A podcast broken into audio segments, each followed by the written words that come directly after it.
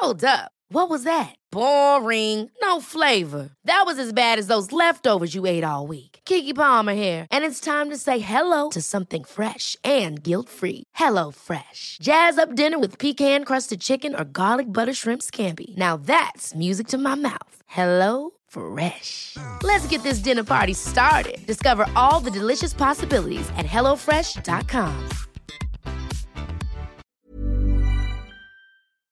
Ja, men jag har ju det. men det skulle visa sig att det satt ganska hårt inne, för att jag hade ju hört då att eh, var tredje svensk drömmer om att bli författare, drömmer om att skriva en bok. Mm. Och eh, om man nu ska bli utgiven på förlag, så är ju den möjligheten, eller chansen att bli utgiven är ju väldigt liten. Det handlar om något promille av alla inskickade manus som, eh, som förlagen får, som de förverkligar och ger ut. Så att eh, jag visste ju på förhand eh, hur, hur små de här chanserna var att bli utgiven, för jag ville ju inte bara skriva en historia, utan jag ville ju också att den skulle bli läst. Så eh, ja, jag, jag visste liksom redan på förhand att det var en stor utmaning. Men eh, jag tycker om utmaningar, jag tycker om att sätta upp mål och jag tycker om att hitta eh, vägar kring de här hindren som man vet att man stöter på.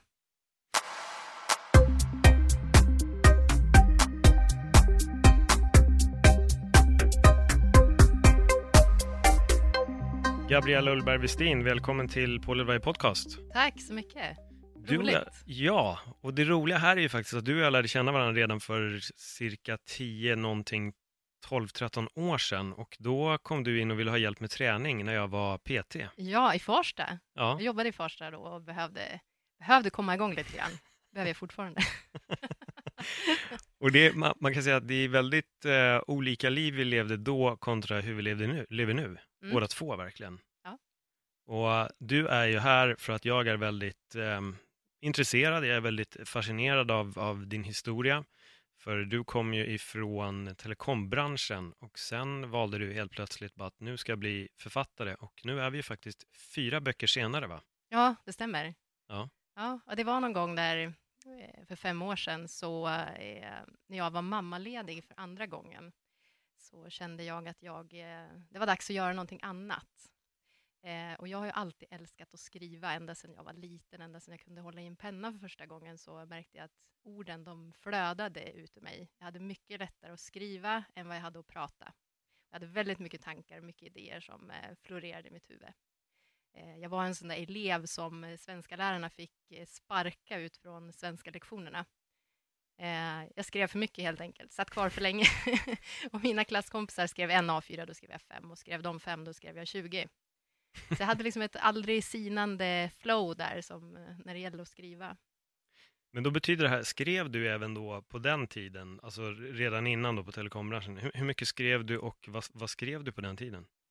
På den tiden så skrev jag inte så mycket eh, privat, roliga saker, utan jag skrev väldigt mycket jobbet. Eh, mycket, jag jobbade som copywriter på ett telekomföretag på marknadsavdelningen där och eh, skrev mycket kommunikation till kunder, kortfattat i sms-form, max 160 tecken.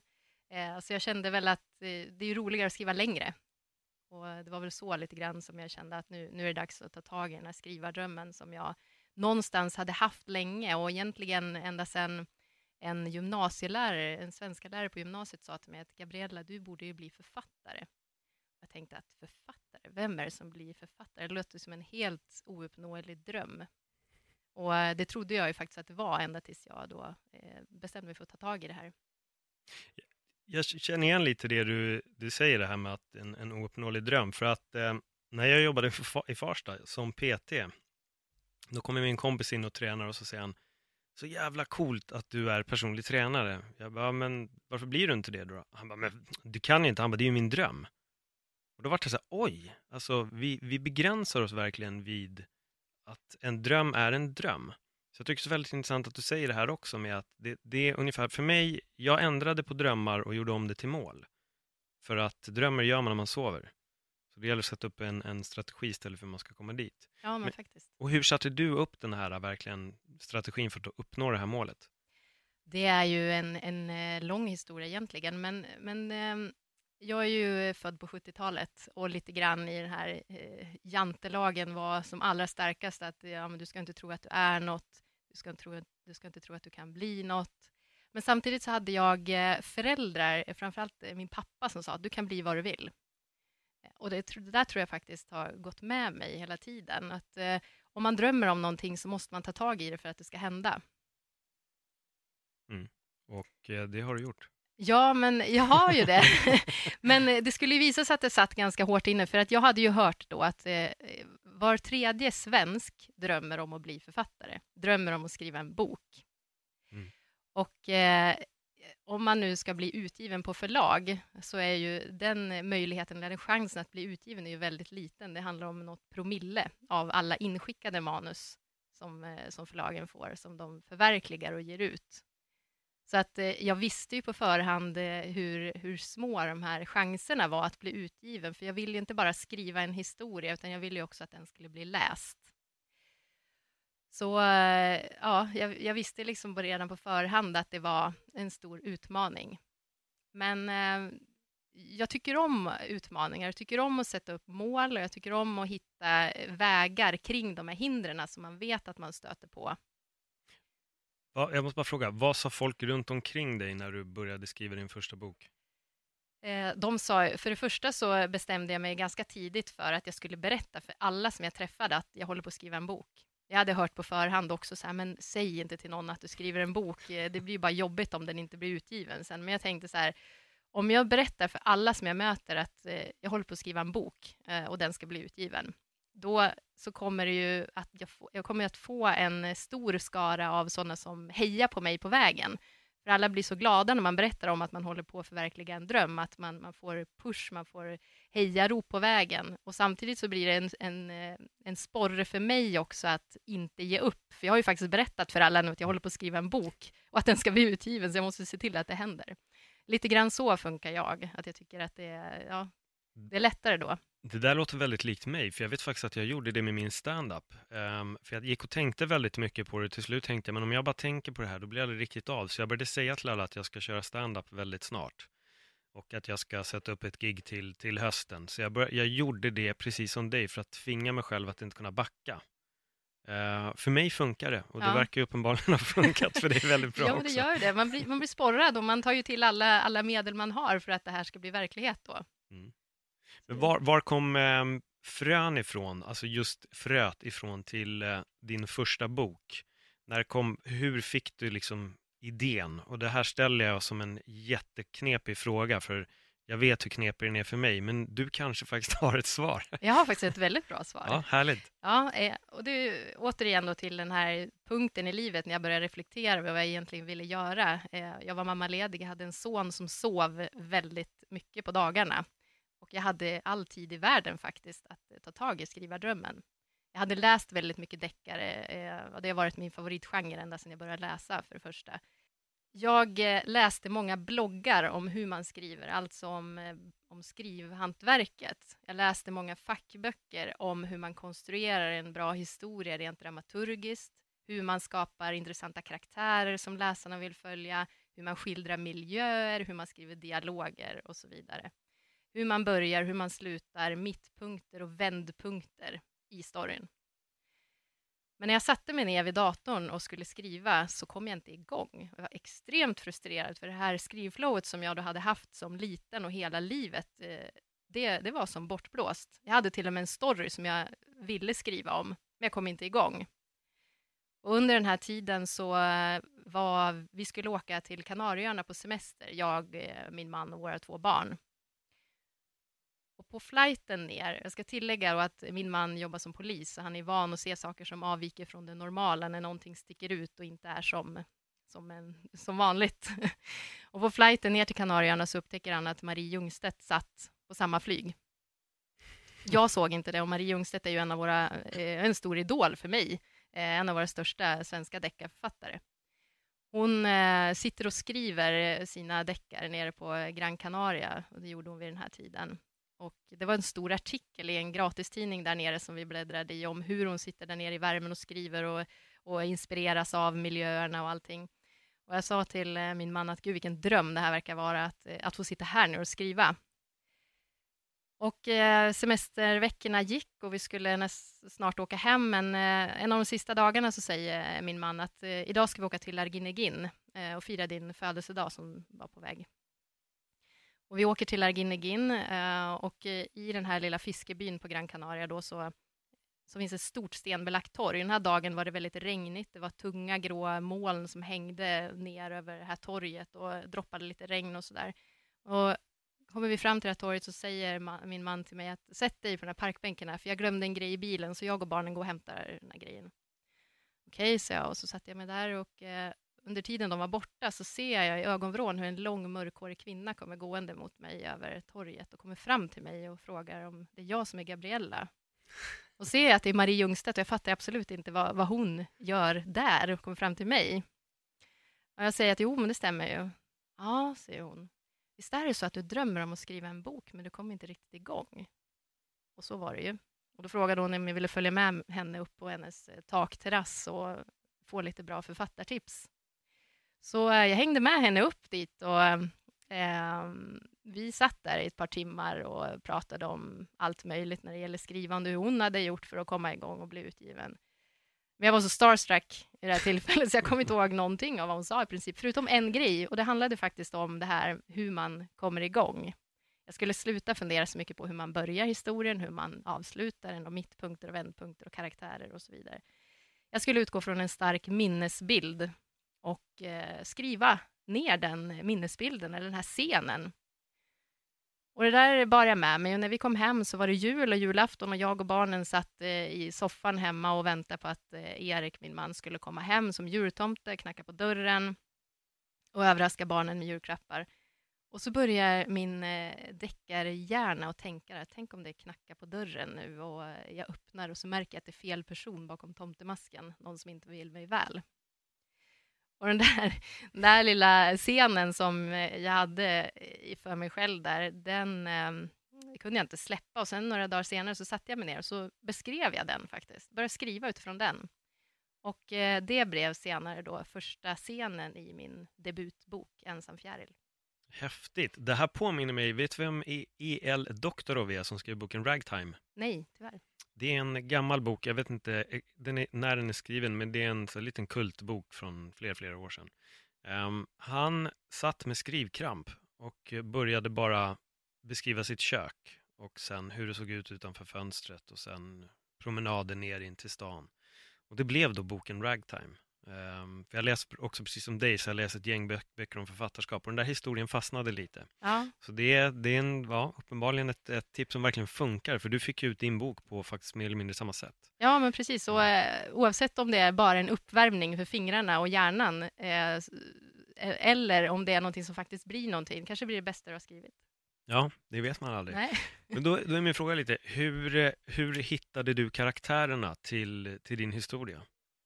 Ja, jag ville ju då skriva en deckare och jag ville ha en manlig polis som protagonist, som huvudkaraktär i mina böcker. Och eh, min man är ju då som sagt polis.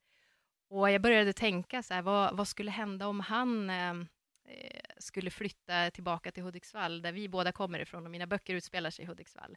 Vad skulle hända om han eh, eh, flyttade tillbaka från Stockholm till Hudiksvall och började jobba där? Och då började jag spåna vidare på en karaktär som så småningom fick namnet Johan Rocka en väldigt eh, stor, burdus, färgstark polis som säger precis vad han tycker och tänker, på gott och ont. Eh, men som har en stor sorg inom sig, ett väldigt stort, varmt hjärta, en väldigt eh, komplex och kontrastrik person. Eh, så det var så han kom till mig. Och sen skapade jag en, eh, en hans vapendragare som är en kvinnlig eh, IT-forensiker och kriminaltekniker som är i princip raka motsatsen till honom. Hon är lite mer lågmäld, extremt hög integritet och ja, väldigt mån om sin personliga säkerhet, vilket inte så många vet varför än i min serie. Spännande. Ja. Spännande.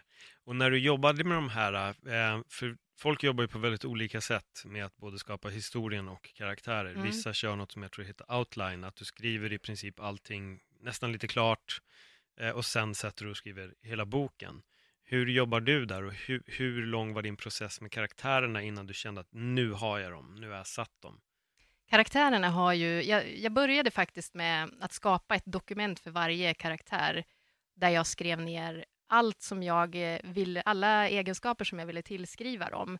Hur långa de var, hur mycket de vägde, hårfärg, ögonfärg, skostorlek, eh, de största rädslorna som de går och bär på, saker som har hänt i deras eh, bakgrund, i deras uppväxt, släktingar, familjer och relationer till dem, jobb de har haft tidigare och allt. Jag klädde in dem ganska mycket för att, för att lära känna dem väl. Jag skriver inte alltid om skostorlekar och, och eh, gamla eh, barndomsminnen, men eh, det är bra. Det gör att man får liksom mer kött på benen som författare, så att man kan... Eh, jag känner de här karaktärerna så väl och då kommer det synas i historien också. Då kommer jag inte att vackla genom storyn och helt plötsligt eh, så har eh, Johan Rocka eh, storlek 42 i skor, fast han har 47 egentligen. Och sådana såna saker, att man liksom är sann med karaktärerna, eh, både på liksom fysiska och psykiska attribut som de har. Att det blir lättare för mig som författare att eh, skriva trovärdiga karaktärer igenom. Så så gör jag ju med karaktärerna. Men sen, jag har ju skrivit fyra böcker i serien om Johan Rocka och morden i Hudiksvall. Och eh, under den här serien så har ju han utvecklats så att jag känner honom ju mer väl nu än vad jag gjorde när jag började. Så jag har ju fått revidera det här dokumentet om honom eh, under resans gång. Och det där är ett levande dokument som jag går in och ändrar i för att liksom minnas nya saker, nya egenskaper som man har. Och eh, när det gäller själva skrivprocessen med att skriva manuset då är jag också ganska detaljerad. När jag skrev den första boken då som jag utgick ifrån den här scenen då tomten kommer och knackar på dörren, då hade jag ett sånt uppdämt skrivbehov och längtan efter att få liksom ut den här storyn, så då skrev jag i princip halva boken innan jag började fundera på hur, hur ska den här sluta. då började jag styra upp allting. Men nu för tiden, från och med bok två, då är jag extremt planerande och det kan nästan låta lite så tråkigt och kanske lite hämmande för kreativiteten, fast fast det är inte det. Men då bestämmer jag nästan i detalj så här, vad varje scen i boken ska handla om. Och antalet scener kanske är 120-140 stycken i en bok och jag skriver liksom på detaljnivå så här, den här scenen ska handla om, eh, om det här och den här karaktären och syftet med scenen är det här. Eh, och sen så kan jag, när jag sätter igång och skriva, så kan jag skriva slutscenen först och sen börja med den första scenen och sen ta någon scen i mitten. Jag har liksom en, en karta liksom, eller ett eh, vad ska man säga, det heter ju synopsis och sen eh, scensammanställning som jag skriver då så där detaljerat. Och det, det hjälper mig att liksom hålla styr på det här och eh, jag ger ut en bok per år. Jag har gjort det nu. Fyra böcker på, på fyra år har det publicerats. Och då har jag inte riktigt eh, tid och, och råd att sitta och inte komma rätt i mål. Så att säga. Det kunde jag ju unna mig med första boken, men sen så ville jag liksom veta vad jag håller på med redan från början, att det kommer bli en story som håller. Men i den här äh, planerandet, har du aldrig fått när du sitter och skriver att din karaktär vill göra något raka motsatsen? Jo. Tillåter du det då eller? Ja, jag, jag tar en diskussion med karaktären först. Är du säker på att det här det är det här du vill göra? Och om den karaktären tycker att det är bra så, så går jag med på det faktiskt. Och det, det där är så lustigt att du säger, för det är precis sånt som händer. Man umgås ju väldigt tajt med de här karaktärerna när man skriver och rätt vad det är så, så tar de sina avstickare och vill göra någonting helt annat. Så ibland kan det komma in nya karaktärer också på det sättet. För jag vet det själv, jag har ju skrivit två böcker, jag är icke-publicerad, så jag är liksom, eh, jag står och stampar lite där du var innan, du är mm. där du är nu. Men jag vet att en, vid ett eh, tillfälle när jag satt och skrev, så eh, det stod lite still, jag hade skapat en, en fest som jag var inte helt övertygad om.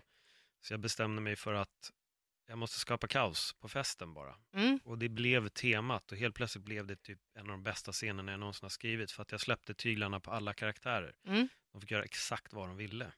Så um, det, det är därför jag ställer frågan just när man har strukturerat upp och så kommer den här megabrytpunkten som faktiskt till och med kanske ändrar re resten av halva boken. Ja. Men det där låter ju som eh, en klassisk midpoint i en story, eller egentligen faktiskt den första plotpointen ungefär efter 25 procent i boken när någonting väldigt omvälvande ska hända alla karaktärer, eller i alla fall huvudkaraktären.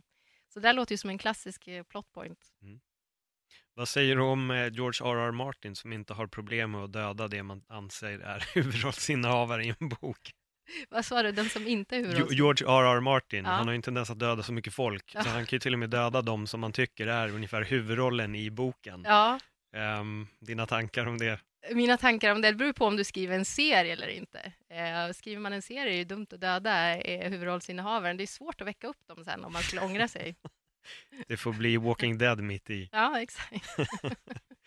Men, och nu har du då skrivit fyra böcker. Um, det, det intressanta i det här är ju faktiskt egentligen hur du släppte din första. Jag tänkte att vi ska absolut komma tillbaka till det kreativa. Mm. Men jag vill lite att vi går in på, på din första bok. För du gick eh, förlagsvägen den gången, eller gick du agentursväg? Nej, jag gick eh, förlagsvägen faktiskt. Yes. Den, den hårda förlagsvägen. Hur många, hur många skickade du ut?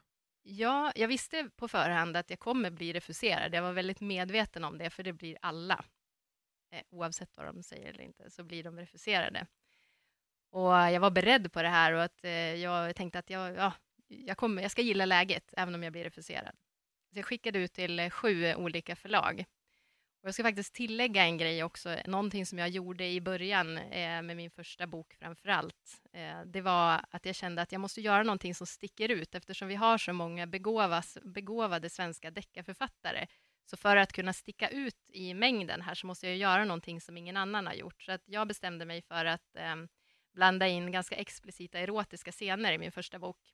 Dels för att jag själv hade saknat det i krimlitteraturen. Jag tyckte det var lite trist att eh, man får eh, följa eh, karaktärerna och deras relationer med andra och ibland så hettar det till i de här relationerna. Man eh, går in i, i sängkammaren och så släcker man ljuset, stänger dörren och så är scenen slut och så får man som läsare inte vara med. Så jag, jag såg att det fanns lite eh, potential där att, eh, att vidareutveckla både intriger och karaktärer genom att addera eh, lite mer erotik. Och eh, det hade jag då gjort eh, för att dels för att jag saknade det och för att jag tyckte att det stack ut. Så jag skickade till sju olika förlag. Eh, det började med refuseringsbrev på refuseringsbrev, refuseringsbrev. Och så fick jag eh, det sjunde refuseringsbrevet som var ett, från ett av de största förlagen i Sverige. Eh, som sa att de tyckte att jag hade skrivit en fantastiskt spännande historia eh, och lyckats väva ihop alla trådar väldigt, väldigt bra. Men eh, de här erotiska scenerna var de lite skeptiska till.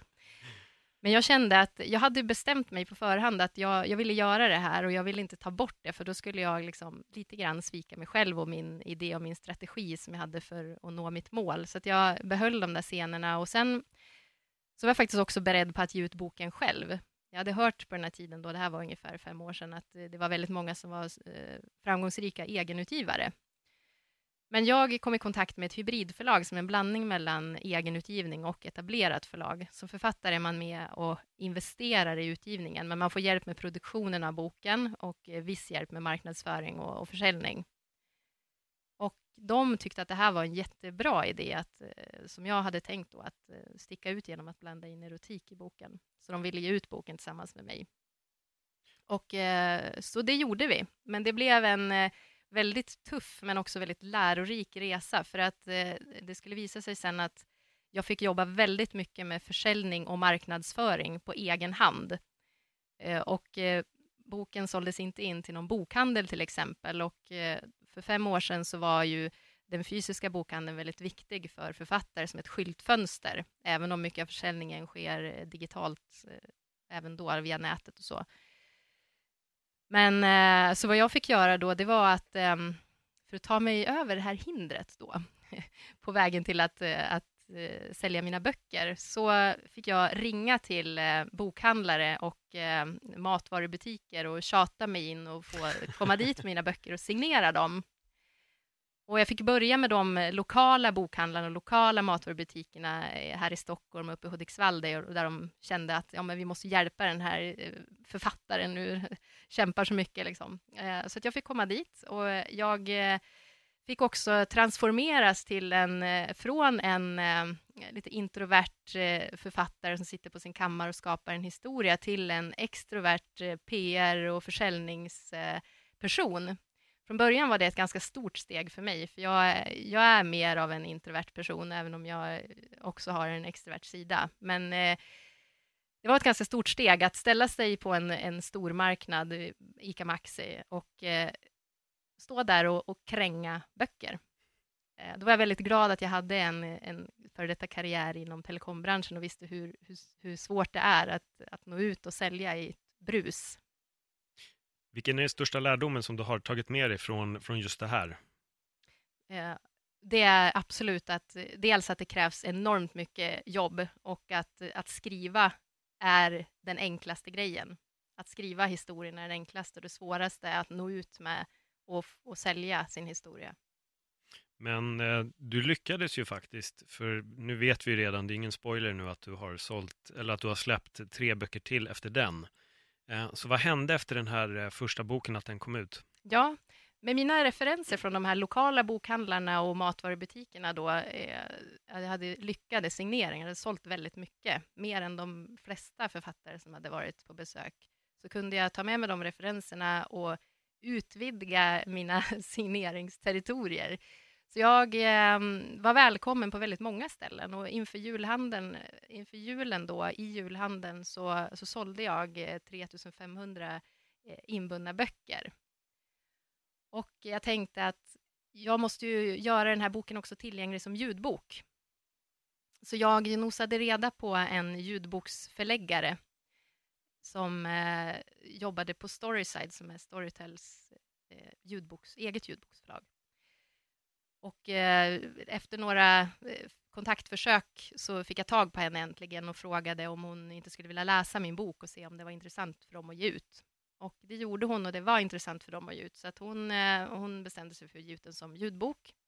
I samband med ett eh, marknadsföringsmöte inför ljudbokssläppet så eh, pratade jag med henne om att jag skulle vilja komma till ett förlag som har eh, möjlighet att hjälpa mig att distribuera boken och nå ut eh, på ett annat sätt än vad jag kan göra på egen hand.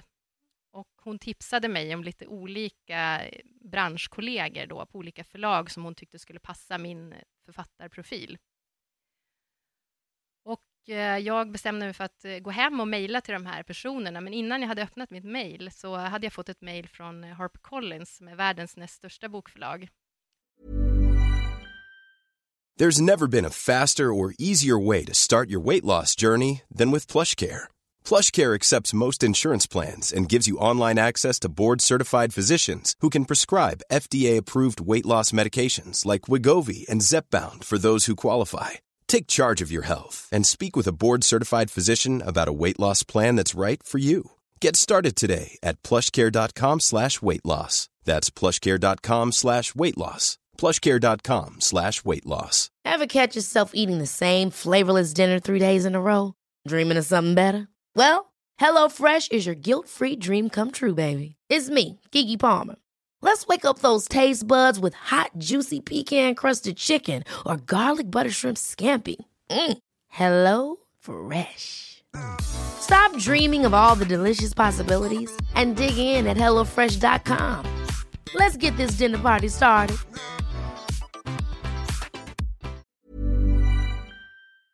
Som hade hört då av en branschkollega att jag sökte ett nytt förlag. Och de, HarperCollins, skulle vid det här laget då etablera sig i Norden och sökte nordiska deckarförfattare bland annat. Och var intresserade av att läsa min bok, så de frågade om de kunde få göra det. Och innan jag egentligen hann eh, få kontakt med något av de andra förlagen jag hade blivit tipsad om så hade jag ett avtalsförslag eh, i min mejlkorg om utgivning i, i eh, fyra länder och tre, ett treboksavtal med utgivning i Norden. Och eh, det kändes ju väldigt, väldigt bra såklart, så det tackade jag ja till. Eh, ja, för jag googlade faktiskt dig och så kom Wikipedia upp och det var bara en finsk Wikipedia. Så jag tyckte det var lite roligt när du säger det med fyra stycken länder. Eh, men det är jättestort. Alltså, verkligen, vad, vad var din tanke när du läste allt det här? Kändes det overkligt? Var du tvungen att nypa dig själv i armen? Eller? Ja, faktiskt i efterhand så var jag tvungen att nypa mig själv i armen och det är väl kanske någonting som jag måste jobba på, det här med att eh, se tillbaka och att, att jag faktiskt har uppnått någonting, att jag faktiskt har lyckats förverkliga den här drömmen. Sen är jag ju sån som person att jag sätter upp nya mål och nya saker som jag vill uppnå hela tiden. Men, men just det här att stanna upp och reflektera när man faktiskt har lyckats med någonting som man har drömt om, det måste jag och säkert många andra också bli bättre på. Att, eh, att man faktiskt får klappa sig själv på axeln och fira när man mm. har, har nått mål. Jag har verkligen haft det problemet, kan jag säga, väldigt, väldigt mycket. Och det gjorde att så fort jag åstadkom någonting, då såg jag bara nästa sak. Ja.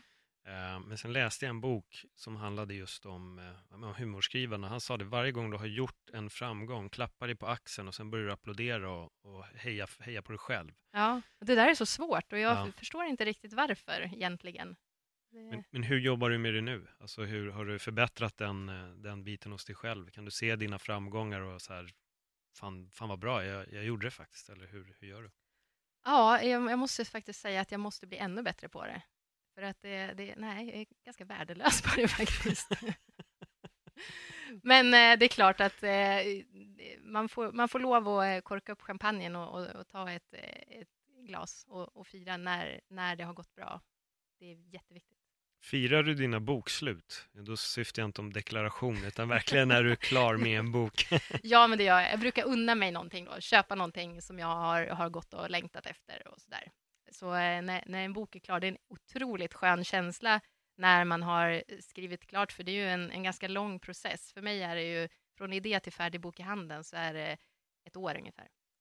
Och då är ju själva skrivprocessen eh, ett halvår med redigering och korrekturläsning och ändringar in i det allra, allra sista som man gör. Så när man skickar iväg eh, boken till tryck, när den har gått iväg och det inte finns någon återvändo, man kan inte göra någonting mer, den känslan är ganska skön. Så då får man fira. Men när du sitter där och har skrivit klart boken och går igenom den om och om igen, hur mycket känner du att du vill ändra? Känner du så här, det här skulle jag kunna ändra? Eller vi säger så här, du har, den är klar, den är tryckt. Läser du den igen då?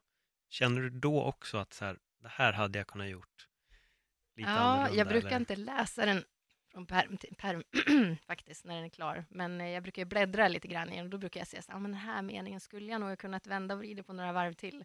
Men eh, det, det måste man också lära sig att när det är good enough, när det är dags att släppa, för annars skulle man kunna sitta och, och redigera i, ja, fortfarande på den första boken. Det känns ibland som att man kan polera guld tills man bara har luft kvar. Ja, lite så. Ehm, och vad händer med ditt andra jobb? Alltså du, vi börjar med att du satt med dina drömmar om att börja skriva och nu börjar ju successivt dina drömmar att bli verklighet. Mm. Känslan? Men känslan är ju fantastisk, eh, apropå det här med att tänka på vad man har uppnått. Men att eh, kunna sitta på heltid och ägna sig åt det man har drömt om, det är ju otroligt fantastiskt. Var, var det någon på vägen som sa, nej men författare, det blir man liksom inte? Det var nog ganska många som sa, men hur har du tänkt det här då? Vet du hur svårt det är egentligen? Det har jag verkligen stött på. Varför tror du att eh, folk har en så stor tendens att se, se proble- problemen i allting när man vill uppnå något? Jag vet inte, kanske att det har att göra med rädslor, kanske för att man själv inte har vågat ta tag i en dröm, eller kanske inte haft möjligheten att ta tag i en, en dröm som man har haft. För jag upplever väldigt ofta att folk alltid har en tanke om att det är någon annan som blir det. Eh, för det var som en kille sa till mig för en massa år sedan när jag hade skådespelardrömmar. Då sa han det, ja, ja, det är ju många som vill spela tennis också, men alla kan inte bli Björn Borg. Eh, nej, men ska alla då sluta spela tennis så finns det ingen som gör det. Eller alltså, vad är... Personligen är jag lite sån, jag, jag, jag älskar ett citat som är, ser du rosen eller ser du taggarna? Mm. Jag tycker att väldigt många ser taggarna medan jag ser bara hur jag ska kunna greppa den där rosen på rätt sätt utan att göra mig illa. Liksom. Det Ja. är bara hinder som man måste ta sig förbi. Ja, och det är ju faktiskt så. Sen måste jag säga att i eh, Sverige nu och eh, vid den tiden som jag började skriva så var det väldigt många, framförallt kvinnliga deckarförfattare som tog plats och som, eh, som genomförde sina författardrömmar. Och jag tänkte lite grann så här, men kan hon så kan jag. Eh, vad är det som är liksom skillnaden på oss egentligen? Eh, om, om den personen lyckas så borde jag också kunna lyckas. Att man liksom man, man sänker eh, murar eller man sänker hindren för sig själv på något sätt. Jag håller med jag, jag, jag tycker det är fantastiskt att du kan, eh, kan jobba från det sättet och det har ju gett, gett frukt. Mm. Hur, hur har det funkat nu sen du har liksom jobbat på nästa bok och nästa bok? Vad, vad skulle du säga är den största förändringen från bok ett till bok två? Från bok ett till bok två. Ja, jag menar just ganska- lärdom och... Ja, men precis. Det, det skiljer sig ganska mycket. Och framför allt så måste jag säga att eh, det skrivtekniska utvecklas ju hela tiden. Och jag kan ju känna att jag blir säkrare och säkrare på att skapa eh, mer raffinerade intriger och, och skapa mer spänning. Och eh, den typ av böcker som jag själv tycker om att läsa eh, böcker med högt tempo, bladvändare helt enkelt. För mitt största syfte med att skriva är att underhålla. Och, och det tycker jag att jag märker själv och känner själv att jag känner mig mycket säkrare på, på själva hantverket. Och hur man liksom med ganska enkla medel kan, kan göra eh, en situation eller en karaktär eller en miljö mer spännande än vad jag kunde med den första boken. Men den första boken är ju ja, men lite grann som ens första förälskelse eller ens första barn. Att det, det, är något speciellt, just det här att man får, eh, för min del, att jag fick ge uttryck för den här kärleken som jag har till att skriva. Att jag äntligen fick liksom, eh, släppa loss den här fördämningen som jag inte hade fått göra tidigare. Så den första boken har ju kanske ett, eh, eh en större betydelse på grund av det. Och eh, kan du ge något exempel på hur du liksom gör det mer spännande, som du säger, att du har lärt dig lite mer nu hur du kan förändra en viss situation och göra den lite mer spännande. Har du något konkret exempel på, på det? Eh, framförallt så handlar det mycket om hur man konstruerar en scen och med en scen så menar jag lite grann som i en film att eh, det är en, en avgränsad miljö, det är eh, bestämda karaktärer som befinner sig i, i en scen. En scen är inte samma sak som kapitel för mig, för i ett kapitel kan det rymmas flera scener. Men en avgränsad miljö, kanske ett rum eller eh, en skogsglänta eller en, en, gata eller någonting. Och så är det karaktärer som, eh, som agerar i den här miljön. För det första, när man skriver och vill skapa liksom framåtrörelse och, och spänning i en scen, så är det viktigt att eh, karaktärerna gör någonting. Att, eh, att, det är, att karaktärerna rör sig, eller att de håller på med någonting, eller att de är på väg någonstans. För om man bara skriver om en, en person som sitter vid ett bord och, och funderar och, och inte gör någonting, så blir det inte spännande. Utan det är viktigt att man liksom får, får komma in i scenen eh, när personen gör någonting, är på väg någonstans och sen avsluta scenen med, med en liten cliffhanger, eller eh, ja, avsluta den spännande. Och det finns en ganska bra sägning om det här med scener, att eh, man ska komma in eh, sent i scenen och gå tidigt. Om du förstår vad jag menar. Mm. Att man, mm. man kommer in när det är någonting som redan är på gång, att man, man inte följer den här scenen från exakta början, hur den egentligen börjar, utan man, man kommer in liksom när när personen redan är inne i rummet. Man slipper följa med när han sätter handen på dörrhandtaget och, och går in. Och man, man börjar där det är spännande och sen så avslutar man tidigt. Är inte det ett litet klassiskt misstag som folk gör? För jag kan tänka mig att om någon eh, sitter och skriver en bok och så tänker att den här killen måste gå ner och köpa kaffe. Då vill de gärna få med att han får beslutet, går till dörren, tar på sig skorna, går ner för trappan, men sen lär man sig att du, du, kan skita i de 300 orden för att förklara hur han kommer dit. Han kan lika gärna bara komma hem igen. Ja, Nej, men för folk förstår att han har eh, promenerat eh, till det här kaffestället. Det mm. förstår man. Så det, det, är bättre att börja senare, för det blir mycket mer spännande då. Finns det någon gång i processen när du har skrivit en bok där du har känt så här, oj, det här var lite obehagligt. Uh, hur kunde jag hamna här? Alltså i ditt eget tänk.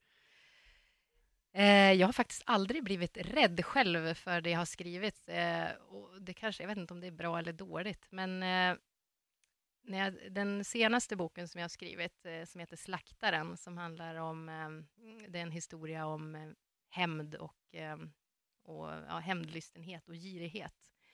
Men den utspelar sig i eh, älgskogen uppe i Hälsingland och den, en av de första scenerna är att ja, man, man gör en väldigt makaber upptäckt och man hittar en människa som hänger upphängd i slakteriet bland älgkropparna som ska slaktas. Och äh, den här scenen, det är faktiskt också en sån här eh, sak som jag har burit med mig, en bild som jag har burit med mig under årens lopp. Liksom. Det låter jättemakabert och jättekonstigt att ja, men, går och funderar på sådana där saker. Och jag har funderat, så, men vad beror det på? Jag, jag växte upp med, med en pappa som jagar älg och jag fick följa med till älgskogen, till skjutbanan och till slakteriet. Och så det var lite avdramatiserat för mig med, med de här döda älgkropparna som hängde där. Eh, så jag vet inte om det har med det att göra, att det är liksom mitt undermedvetna som har bearbetat det här och tagit liksom ytterligare proportioner där det har tillkommit en människokropp som hänger upphängd. Men eh, och det är naturligtvis väldigt, väldigt makabert och väldigt otäckt och själva scenen som den blev i boken är också läskig. Men men jag har faktiskt inte blivit rädd själv. Nej. Bra eller dåligt, jag vet inte. Nej, men det, är väl, det är väl positivt, får man väl ändå säga. Då, då är du ändå, uh, alltså, du, är, du är sans med ditt eget tänk. Jag menar, du är ändå där, alltså, du, du skapar fantasi. Mm. Och det är i slutändan där man, det är fortfarande fantasi. Ja, Men, men det är intressant, eftersom att du är i deckargenren så kan det vara lite intressant att se om det någon gång har hamnat att, oh, fan, hur fan hamnade jag här? Men uh, ja, mm. vad skulle du säga, är den, uh, nu, nu har du ju precis släppt din fjärde bok. Hur känner du förändringen från, från bok till bok? Kan du titta tillbaka på bok ett och tänka, men gud, liksom, det här var ju inte bra, eller det här hade jag kunnat gjort bättre, för nu är det ändå fyra böcker in och jag tänker mig för varje bok man gör så tar man ganska höga kliv i sitt författarskap och sin utveckling. Det är väl eh, kanske inte alla författare som skriver den bästa boken nummer ett, utan det blir bättre och bättre med tiden. Svider man inte Stephen King, då kan absolut den bästa boken vara kanske tidigt och sent, då han har skrivit så otroligt mycket i sin karriär. Men rent eh, författarskapsmässigt, kreativitetsmässigt, eh, hur känner du att utvecklingen eh, har varit? Jag tycker att jag har utvecklats eh, så att mina böcker blir bättre och bättre. Och jag tycker att det är ganska skönt faktiskt. Eh, jag är väldigt nöjd med den första boken, men jag blir mer och mer nöjd med, med böckerna som kommer sen. Och det är klart att om jag ser tillbaka på den första boken så finns det många saker som jag rent skrivtekniskt skulle kunnat eh, skrivit annorlunda idag om jag hade möjligheten att skriva om den. Men eh, jag tycker att eh, jag, jag, kan se tillbaka och, och, känna att det blir bättre och bättre. Mm. Vad inspirerar dig? Jag inspireras av, ganska mycket faktiskt, tror jag, av, eh, av eh, människor som jag träffar och möter. Det kan hända att jag plockar upp någon eh, egenskap som jag bär med mig och applicerar på någon karaktär eller miljöer som jag ser, eller just sådana här minnesfragment eller um, som den här obehagliga scenen i slakteriet som jag har haft burit med mig. Det är ofta så som mina historier börjar, att jag börjar utifrån en sån minnesbild och sen klär in eh, den minnesbilden i själva storyn och bestämmer ett tema som jag vill skriva om och så. Och eh, när jag har bestämt ett tema som jag vill skriva om så gör jag mycket research. Jag eh, läser även kriminologi på Stockholms universitet och där får jag också en del inspiration till det här där man, när man studerar teorier om vad brottslighet är och hur brottslighet uppkommer och varför man blir kriminell och, eh, och hur, ja, men hur det kommer sig. Där får jag också en del inspiration till liksom stora drag i historien, just teman och ja, men som det här med hämnd och girighet som slaktaren har som tema. Då. Så där kan jag också få mycket inspiration. Men framför allt måste jag säga att research är ju en jättestor källa till inspiration. När jag skrev min andra bok så skulle jag skriva om gängkriminalitet och unga killar som rekryteras in i kriminella nätverk, så kallade springpojkar.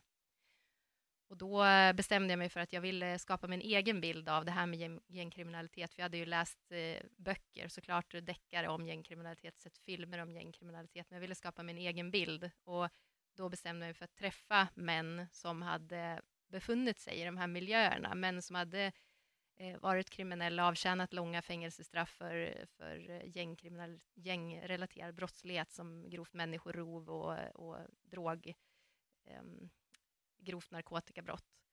Jag träffade de här för att ta reda på vad är det som kan göra att en, en ung pojke kan bli en mördande torped. Och de här intervjuerna som jag gjorde då, de gav mig jättemycket inspiration till fortsättningen i historien och att jag fick mycket input. Och det, när man gör research så kan det också bli så att man, man förändrar sin story. Man kanske skriver till ytterligare en handling eller ett ytterligare ett spår, spår eller bestämmer sig för att radera bort det som man hade skrivit i ett speciellt spår, för man har fått mycket, mycket bättre input. Eh, vad skulle du säga var det mest chockerande som du fick höra under de här intervjuerna?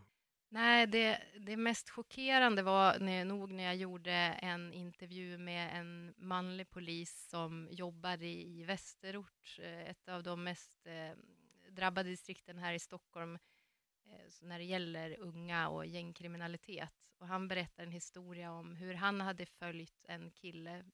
Eh, de första gången de träffades var när den här killen var 13 år. Och eh, den här polisen, han hade ett väldigt ett fantastiskt sätt att hantera den här kriminella killen på, som han berättade om. De lyckades få någon form av ömsesidig respekt för varandra, trots att den ena var kriminell och den andra var polis. Och den här polisen var i princip den enda som kunde hantera den här unga killen, som var, var grovt gängkriminell. Och eh, vissa gånger så var det så att eh, piketpolisen kunde inte rå på den här killen utan att skada honom väsentligt. Och då fick de liksom ringa in den här, den här eh, andra polisen då som kunde närma sig honom utan eh, uniform, utan handfängsel och så. Han, han avdramatiserade liksom det här med polisen. Han, han tog av sig den här uniformen och liksom var en, mer av en kompis och mer av en, en bra manlig förebild för den här killen istället för att, att eh, vara en, en, uniform som de, som de ibland kanske har svårt att bemöta. Man berättar i alla fall hur deras relation hade utvecklats och men tyvärr så sköts den här killen ihjäl i en, uppgör, en uppgörelse när han var 16 år. Och just den där historien som han berättade för mig, den berörde mig enormt mycket. Och jag tyckte dels naturligtvis att det var ett hemskt öde som den här killen gick till mötes, men framför allt det här sättet att, eh, att hantera honom på, tyckte jag var fantastiskt. Sen eh, märkte jag ju genomgående med de här före detta kriminella som jag träffade, att eh, just den här avsaknaden av en manlig positiv förebild hade haft så stor betydelse för hur de hade hamnat där de var.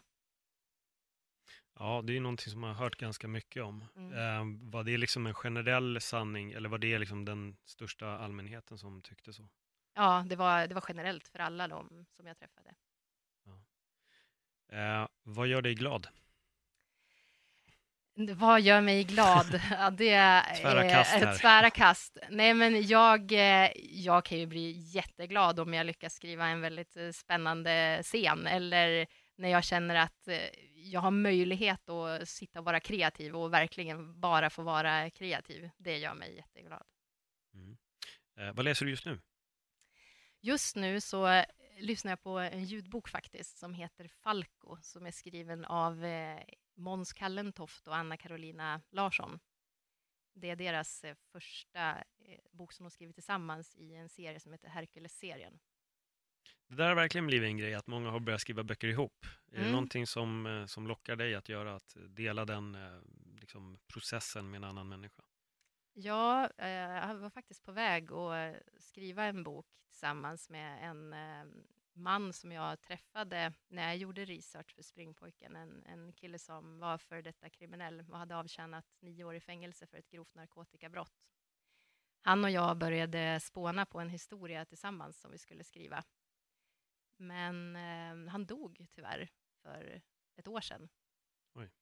Men eh, innan han dog så pratade vi om att eh, jag skulle, oavsett vad som skulle hända honom, för tyvärr så fick han cancer, Mm. Eh, oavsett vad som skulle hända med hans sjukdom så vill jag fortsätta att skriva den här historien, om, oavsett om han kunde vara med eller inte. Så att det, det kommer jag att göra. Spännande. Ja. Spännande. Um, det bästa rådet som du har fått inför din uh, författarresa? Det bästa rådet som jag har fått inför min författarresa är ju faktiskt det här att utgå från en stark minnesbild när man ska komma igång och skriva. För att skriva en bok handlar väldigt, väldigt mycket om att sätta sig ner och, och skriva och verkligen eh, inte fundera så mycket på vad man ska skriva, utan bara att komma igång och skriva. Det är faktiskt en av de viktigaste sakerna. Och sen tillkommer det ju mycket tålamod och envishet såklart när man ska slutföra ett bokprojekt, för det är ett gigantiskt projekt, det ska man vara medveten om. Men just det här med att komma igång är så enormt viktigt, så att jag tycker att det är den allra största, viktigaste, bästa lärdomen och det bästa tipset som jag kan föra vidare, just när det gäller att komma igång. Mm. Om du får ge till ett till råd till en eh, Gabriella eller en Gabriel som sitter där ute och eh, har de drömmarna som du hade nu för x antal år sedan. Ehm, bara att kanske ta tag i det. Vad, vad, vad skulle det vara? Det skulle vara att eh, våga tro du också kan göra det. Det finns andra som gör det, men du kan också göra det. Eller varför skulle du inte kunna göra det? De andra gör det ju också. Mm. Ja, det tycker jag är helt, helt korrekt. Va, va, vad tror du egentligen som gör att vi går runt med de här tankarna? Som gör att vi inte vågar tro, att vi tänker just att det är någon annan och det är inte jag som gör det. Varför lägger vi de tankarna på oss själva? Tyvärr så tror jag ju att det är eh, jantelagen. Alltså. Att man har liksom blivit itutad att nej, men eh, du ska inte tro att du är något eller kan något. Tyvärr så tror jag det.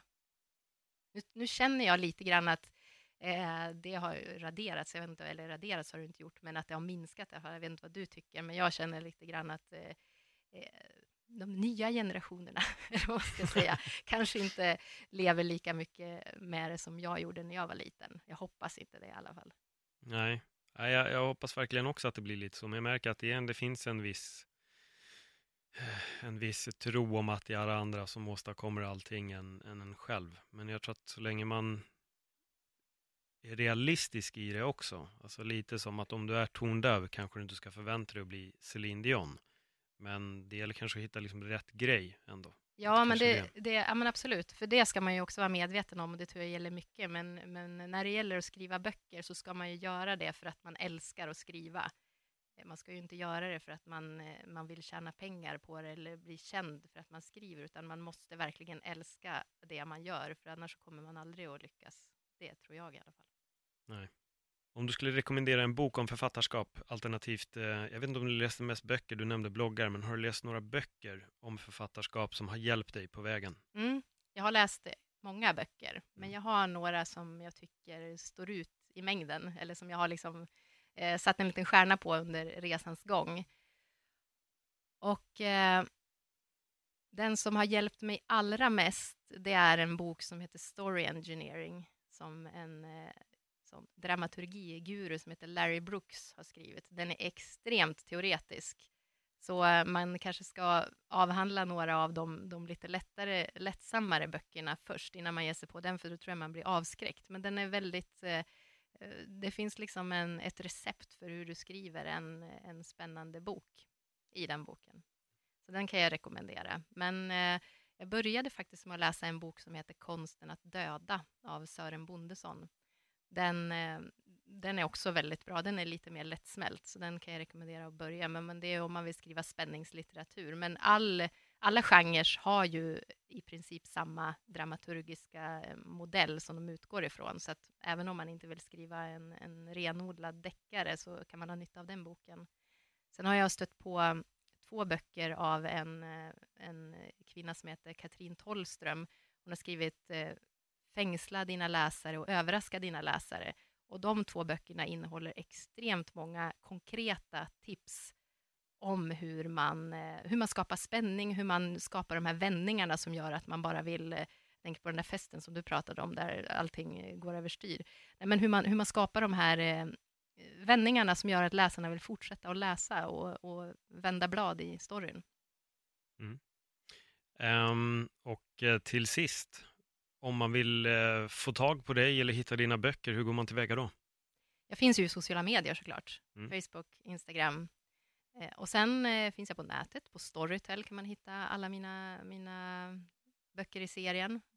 Bokhandeln. Jag finns överallt. har du redan börjat skriva på, på nästa bok?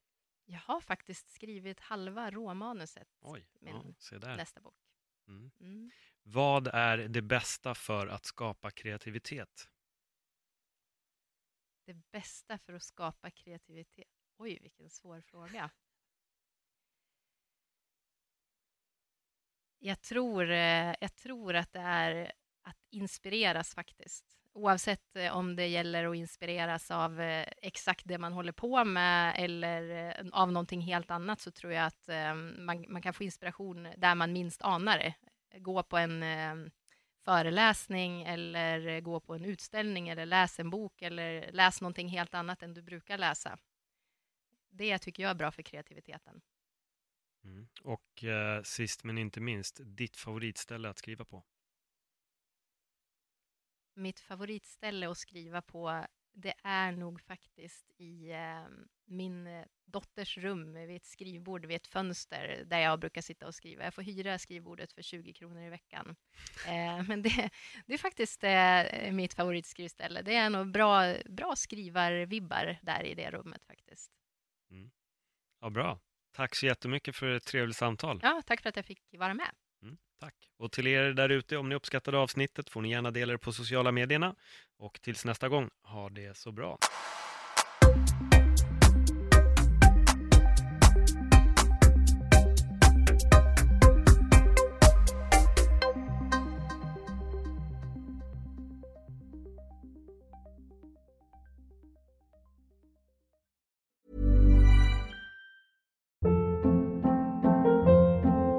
Hold up. What was that? Boring. No flavor. That was as bad as those leftovers you ate all week. Kiki Palmer here, and it's time to say hello to something fresh and guilt-free. Hello Fresh. Jazz up dinner with pecan-crusted chicken or garlic butter shrimp scampi. Now that's music to my mouth. Hello Fresh. Let's get this dinner party started. Discover all the delicious possibilities at hellofresh.com.